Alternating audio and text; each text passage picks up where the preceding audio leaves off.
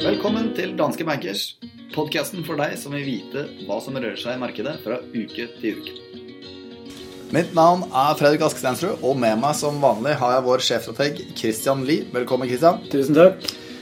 Det er jo bare onsdag i dag, og det har ikke gått så veldig mange dager siden forrige episode av Bankers, men nå er det fri i morgen og en inneklemt dag på fredag, og da kommer vi ikke inn til studio på fredag selv om vi jobber, så da tenkte jeg at da kan vi like godt uh, spille inn en episode i dag. og Basert på noen av de Twitter-meldingene som DN har plukket opp fra deg, Kristian, så er det kanskje rom for å ha en episode i dag uansett. Hva er det som har skjedd denne uken her? Det, det, vi har sett, er jo egentlig at uh, den optimismen som har preget markedet, som har holdt aksjemarkedet oppe, begynner kanskje å forvitre litt. I møte med, kall det en bølge av uh, dårlige nyheter. Som igjen da uh, øker usikkerheten rundt handelskrigen, øker usikkerheten rundt verdensøkonomien osv. Men for å komme litt tilbake til de Twitter-meldingene, så var det jo først én melding som listet opp de negative markedsdriverne, som jeg da kalte en perfekt storm. Og så fulgte jeg opp med en annen melding som påpekte at det også finnes en del positive ting og stabiliserende faktorer. Og Det jeg tenkte i dag, var egentlig å bare gå raskt igjennom de viktigste av disse punktene. Fordi Hvis vi da begynner med det positive, som jo er litt sånn uvanlig her i Danske Bankers, men vi, da, da, har vi i hvert fall mulighet til å avslutte med noe skikkelig negativt, så er det fortsatt OK vekst i, i verdensøkonomien. og selv om vi hadde et veldig sterkt år i fjor, så var det forventet egentlig at 2018 ville by på en, unnskyld, 2019 ville by på en moderat uh, oppbremsing.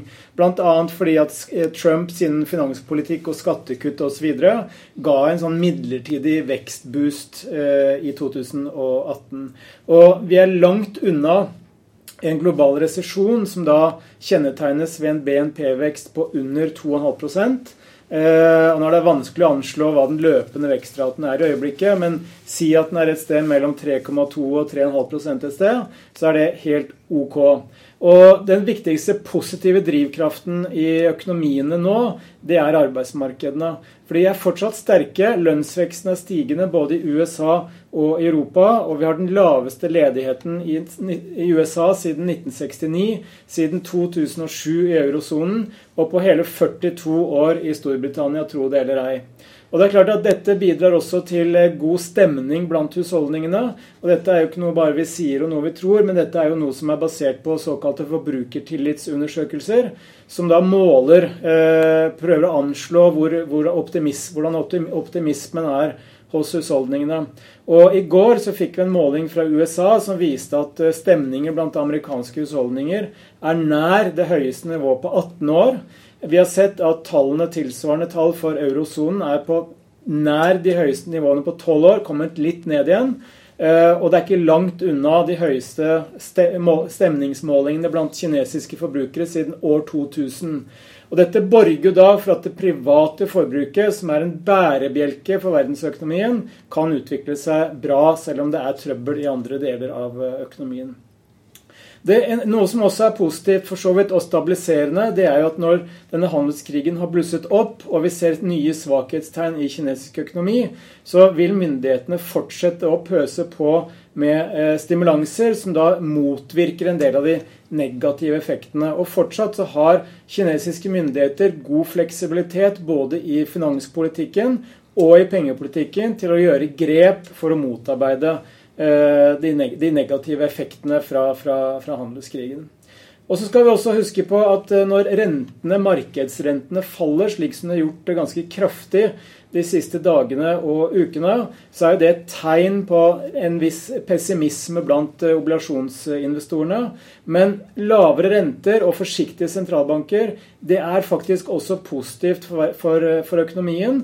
Lave renter gir en vekstimpuls gjør det lettere for husholdninger, bedrifter og myndigheter å betjene gjeld. Og lavere renter gjør også aksjer relativt sett mer attraktive. Den siste og kanskje viktigste positive tingen og stabiliserende tingen som vi ikke ser, men som vi tror og håper på, det er jo at Trump ønsker å bli gjenvalgt i, i år 2020. Det er jo presidentvalg neste år. Og vi vet historisk at de kandidatene som er sittende presidenter, som sørger for en sterk økonomi og stigende aksjemarkeder i forkant av valget, har betydelig større sannsynligheter for gjenvalg enn de som ikke har det. Og dette er jo noe sikkert noen har hvisket eh, i øret til eh, Trump mellom tweetsene og TV-tittingen. No pun intended. Men sannsynligheten for at Trump også på et eller annet tidspunkt, kanskje når markedene begynner å svikte eller amerikansk økonomi viser nye svakhetstegn, så vil han eh, komme kineserne mer i møte i forhold til innrømmelser som gjør at man kan komme frem til en avtale. Det var ganske mye positivt, det da, Kristian? Ja, det er helt fantastisk.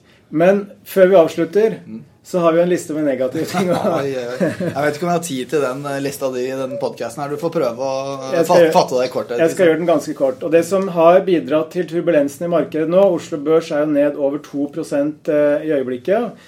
Det er eh, for det første at som et mottiltak på de tariffene som USA er i ferd med å, innføre, og har økt nivåene på også, så har kineserne truet med å begrense tilgangen til såkalte eh, sjeldne jordmetaller, eller rare earth, som, som vi sier på Hamar. Eh, og dette er jo et problem for amerikanske teknologiselskaper, fordi USA importerer 80% av sitt forbruk av disse sjeldne jordmetallene nettopp fra Kina. Og dette er stoffer som benyttes av teknologiselskaper, mobilprodusenter, eh, batteriprodusenter i, bilindustrien.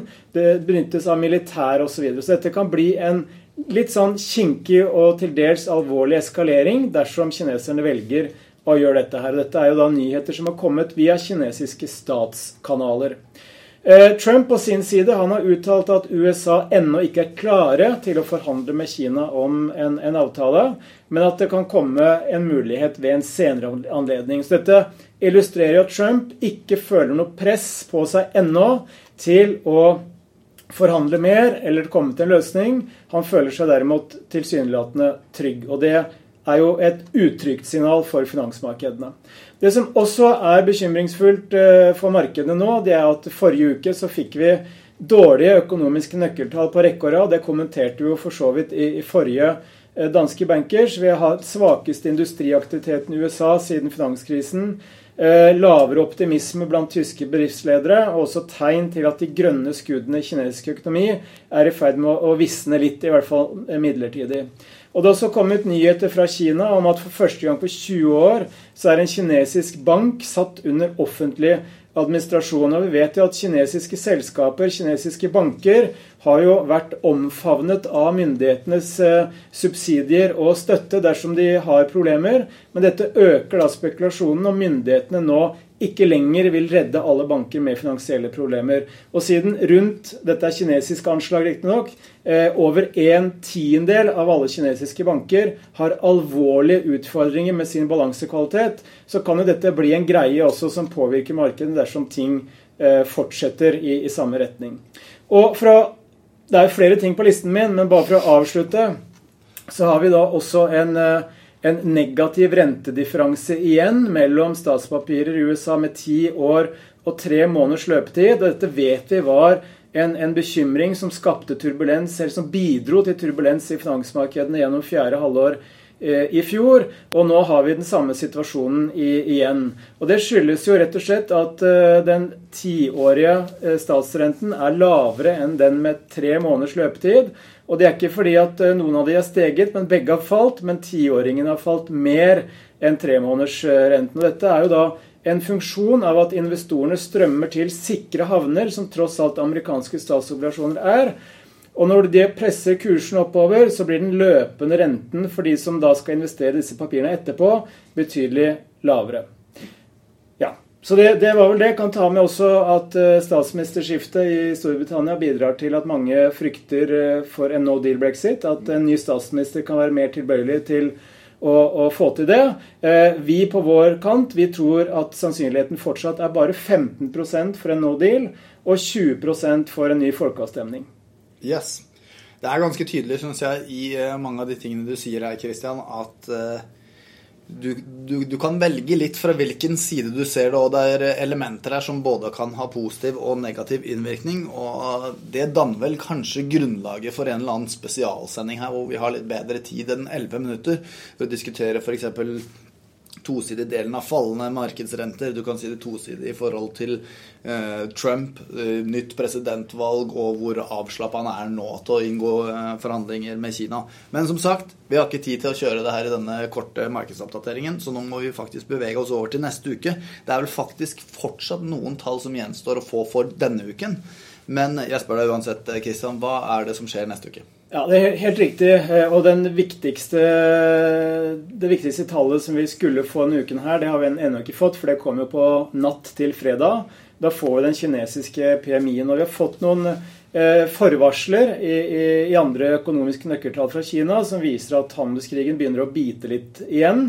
Eh, vi tror den kinesiske PMI-en vil ligge og vake rundt 50-tallet, altså på grensen mellom tilbakegang og ekspansjon i økonomien og holde seg på det nivået de neste månedene. Eh, mandag får vi ISM-indeksen fra USA, og det er jo da den andre eh, PMI-en, eh, eller den andre innkjøpssjefsindeksen fra USA som vi følger. Den første er jo Market sin PMI, altså en sånn eh, alternativ PMI som eh, vi rapporterte om eh, forrige fredag, som da har falt til laveste nivå siden 2009. og Derfor vil det være ekstremt spennende å se om ISM-en også følger i, kjølvannet. Eh, fredag halv tre så får vi den amerikanske arbeidsmarkedsrapporten. Som nevnt, vi har laveste ledighet siden 1969. Eh, lønnsveksten har vært stigende, og noe av det som blir ekstremt avgjørende nå for hvordan Fed kommer til å håndtere situasjonen, det er hvordan inflasjonen og lønnsveksten utvikler seg. Fordi i øyeblikket så prises det inn med ganske høy sannsynlighet, eller med, med full sannsynlighet, at Fed skal kutte renten i år. Og faktisk over 40% sannsynlighet for at Fed skal kutte renten to ganger i år. Yes. Jeg skal oppsummere de viktigste sakene for neste uke. Eh, og litt for denne uken her også. Eh, og jeg skal ta markedsbevegelser siste fem dager, men før det så må vi jo igjen besøke Aksjeolympiaden 2019. Her skal det nevnes at jeg er litt sånn halvtakknemlig for at vi kjører den episoden her i dag, og ikke venter til fredag. For jeg sitter jo da long i Hang Seng, mens du sitter short i SMP 500, og noe sier meg at eh, jeg kunne gått ordentlig på trynet i natt hvis jeg fortsatt måtte beholde den posisjonen.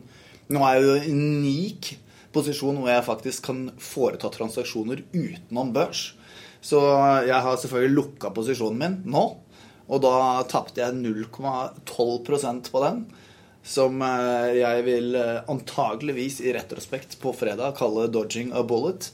Men uh, jeg har da som sagt 0,12 ned for meg på den posisjonen på uka, mens du som da gikk short SMP 500, du fikk 0,7% på posisjonen din.